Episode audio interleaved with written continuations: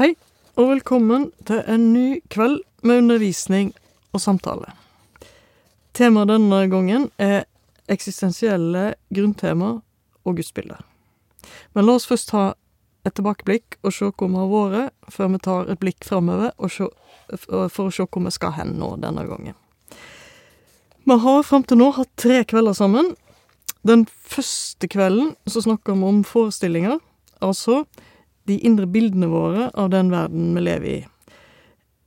Det vil si den mentale forståelsen vår av den verden som vi er en del av, og den mentale forståelsen vår av oss sjøl, andre mennesker og Gud.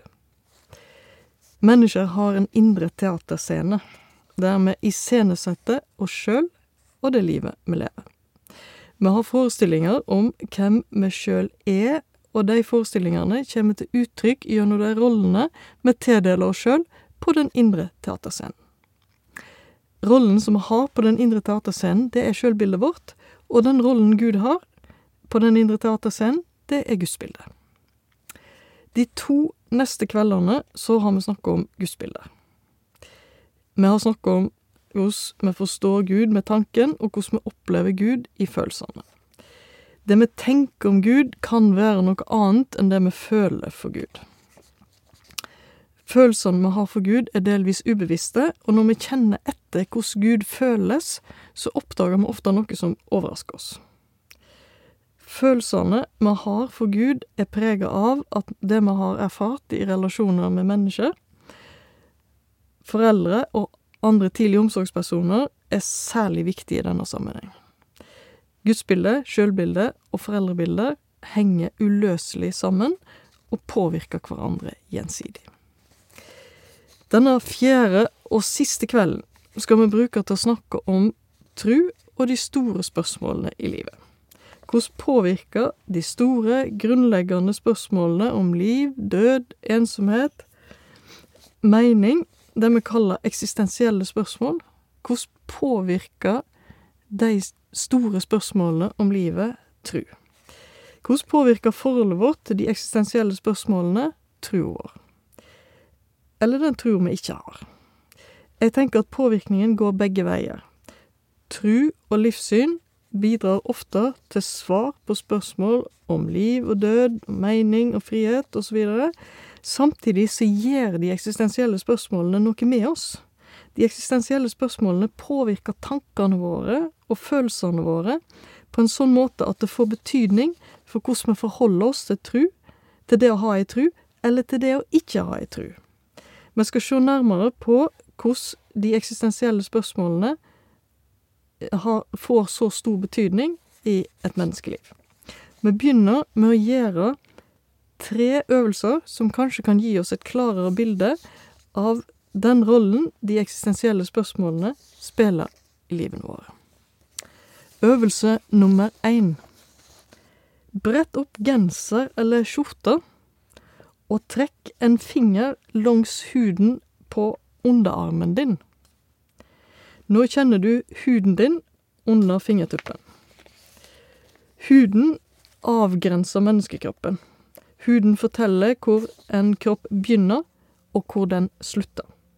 Et voksent menneske har pluss-minus to kvadratmeter hud. Huden er det største sanseorganet vi har. Vi tar inn veldig mye informasjon via huden. Og huden forteller oss noe eh, viktig om at vi er av, et avgrensa, unikt individ, adskilt fra alle andre individer. Det er en del av de egen grenser du kjenner når du stryker fingeren langs huden på underarmen. I psykologien så kaller en det mennesket som trer fram gjennom den grensa som huden gir, for hudjeget. Øvelse nummer to. Nå skal vi bruke forestillingsevnen. Tenk deg at du sitter på ei rullesteinstrand. Du hører havet som slår inn over stranda noen meter vekke, og du tar opp en stein og holder den i hånda. Du holder nå en unik stein i hånda di. Den er avgrensa fra de andre steinene på stranda. Samtidig kan du kjenne at steinen er glatt. Den er blitt glatt fordi den er blitt slipt mot de andre steinene på stranda. Havet, som du kan høre, setter steinene i bevegelse, sånn at de blir slipt mot hverandre. Steinen i hånda di er på samme tid både avgrensa og forma av at den har hatt kontakt med andre steiner. Dette ligner på hvordan vi har det i samspillet med menneskene rundt oss. Hver en av oss er et unikt individ, men vi blir òg forma av kontakten vi har med hverandre. Hver av oss kan skilles ut som et avgrensa individ, men vi er òg forma av fellesskapet og ensomheten som vi opplever i relasjonene til menneskene rundt oss. Øvelse nummer tre.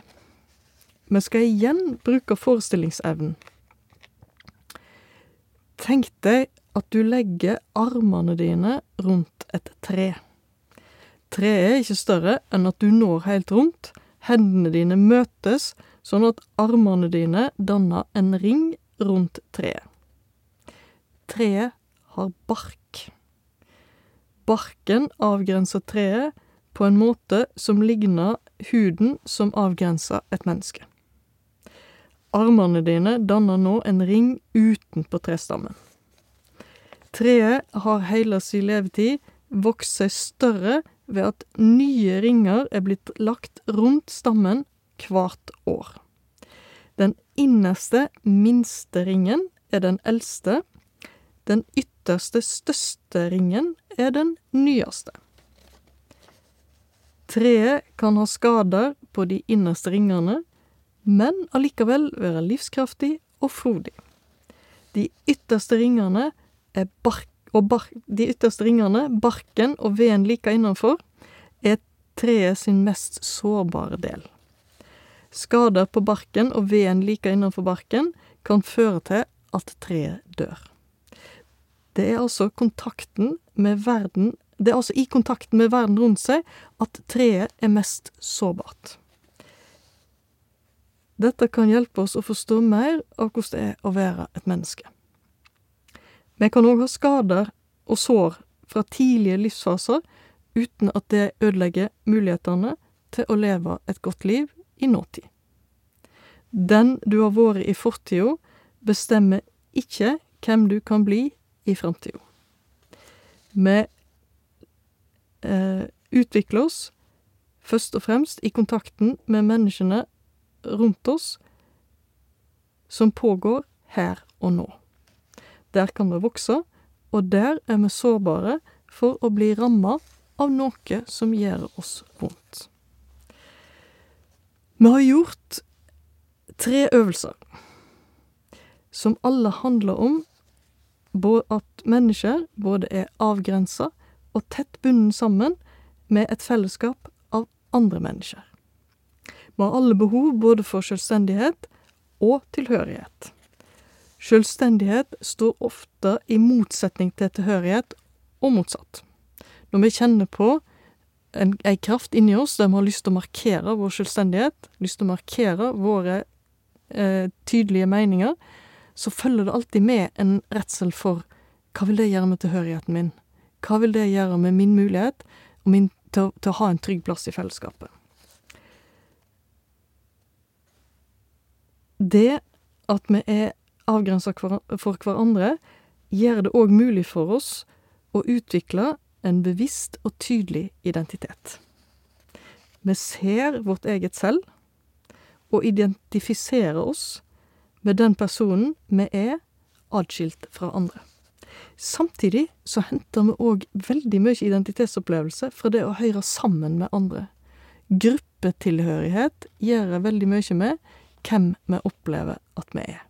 Og hvis du tenker deg om, så er du medlem av en haug med både formelle og informelle grupper. En familie er grupper gruppe som en er et medlem av, og medlemskapet i en familie gjør mye med identiteten din. På samme måte en kan være medlem av grupper av mennesker som har felles trekk som type yrke eller interesser eller eh, erfaringer osv. Og det gjør veldig mye med identitetsopplevelsen vår. Når vi er adskilt fra andre, så kan vi òg bære selvstendig ansvar. Det eh, kan vi sjå eh, Det vil det, det vi kan sjå eh, Det at vi kan sjå at vi er individer, definerer det ansvaret som vi mener at vi faller på det individet som vi er. Å kunne bære ansvar er grunnlaget for å kunne oppleve frihet. Ansvar og frihet er uløselig bundet til hverandre. Og det å være et avgrensa individ gjør òg at vi kan oppleve ensomhet og isolasjon. Alle disse aspektene ved menneskelivet, selvstendighet, tilhørighet, ansvar, frihet, ensomhet, isolasjon og mange flere, hører sammen under overskrifta eksistensielle grunntema. Som mennesker så kommer vi inn i verden gjennom en fødsel, og så forlater vi verden ved at vi dør. Mellom fødsel og død så lever vi et liv som er prega av at eksistensielle spørsmål av den typen vi snakker om nå, hele tida er til stede. Altså hvem er jeg? Hva er meningen med det livet jeg lever? Hvor hører jeg til? Hva skjer når jeg dør? De eksistensielle spør spørsmålene peker på noe som er et felles vilkår for alle menneskeliv, altså noe vi alle må forholde oss til.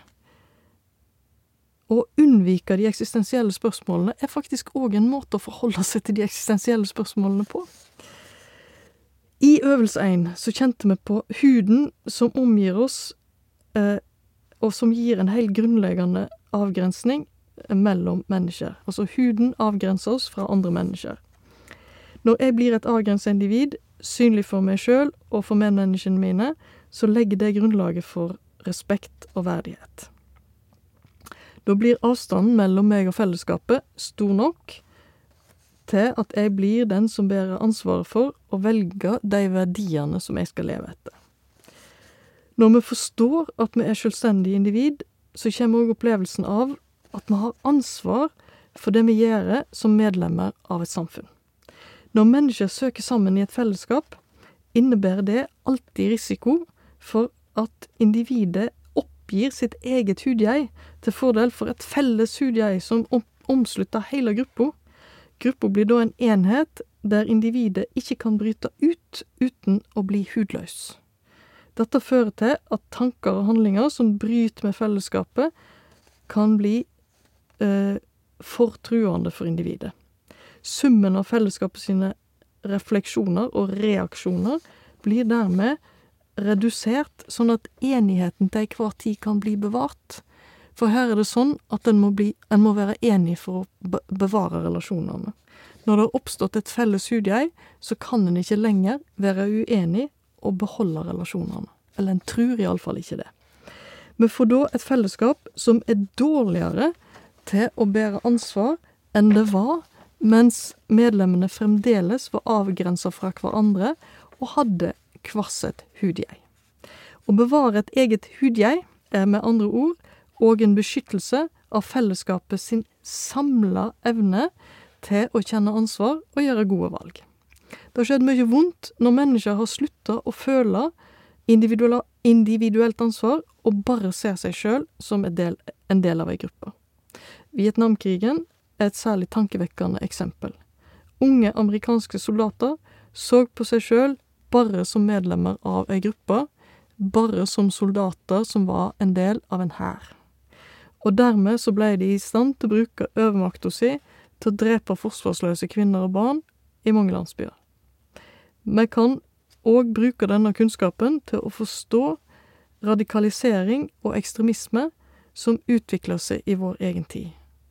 Og i de situasjonene så har det i mange tilfeller utvikla seg et veldig tett fellesskap, et felles hudgjeg, og en opplevelse av at en er samla rundt et sett av meninger som en ikke kan være uenig i, uten å miste plassen i gruppa, uten å miste tilhørigheten i fellesskapet.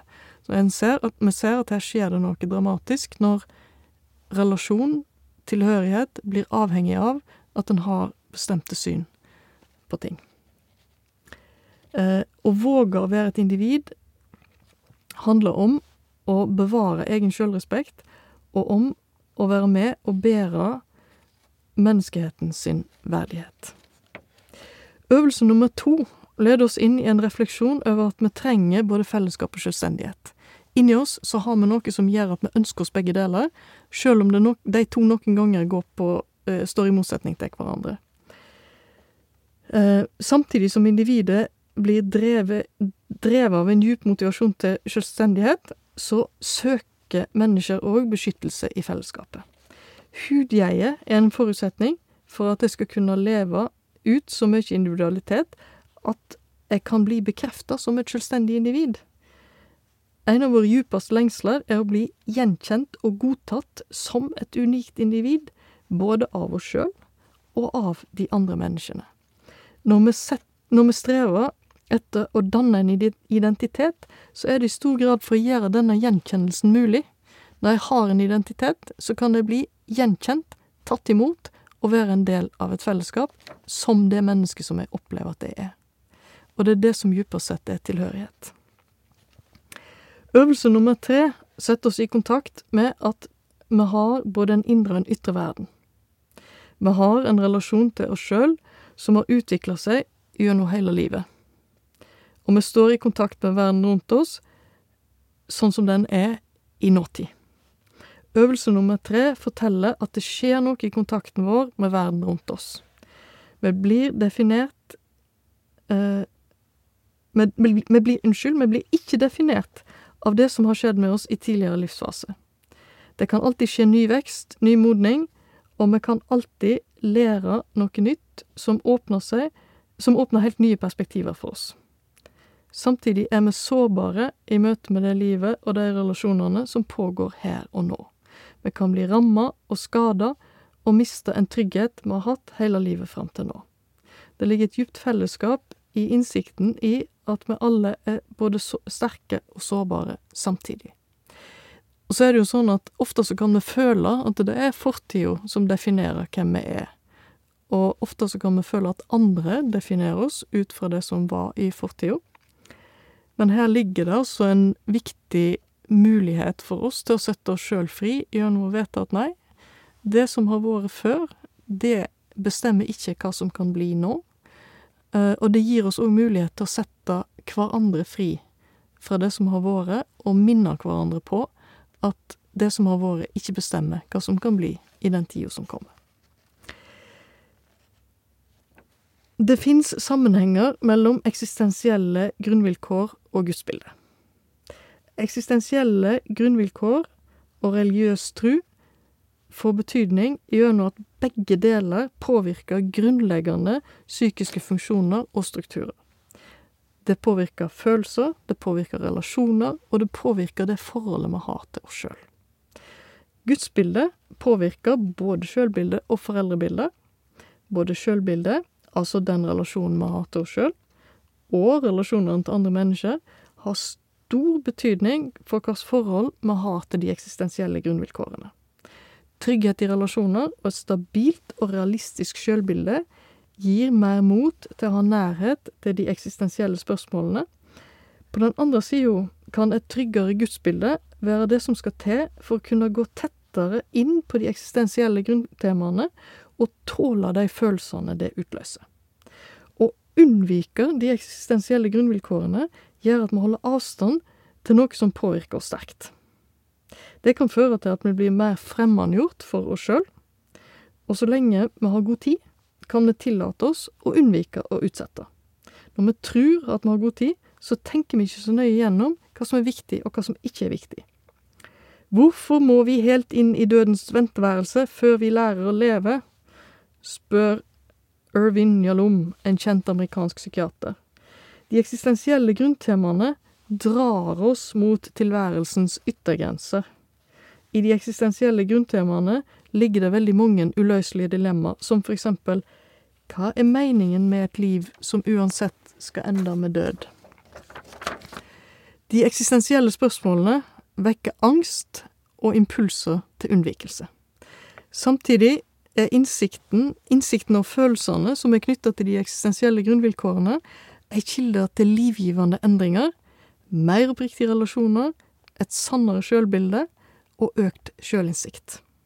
Vi trenger nærhet til de eksistensielle grunnvilkårene for å kunne være til stede i vårt eget liv og forstå de begrensningene og mulighetene som vi faktisk har. Nærhet til de eksistensielle grunnvilkårene åpner muligheten for et mer meningsfullt liv. Ordet eksisterer betyr å tre fram, altså å tre fram og bli mer synlig, både for seg sjøl og for andre. Tusen takk for de fire kveldene vi har sammen. Tusen takk for alt som jeg har fått lære i de tre diskusjonene vi har hatt frem til nå. Nå gleder jeg meg til den fjerde.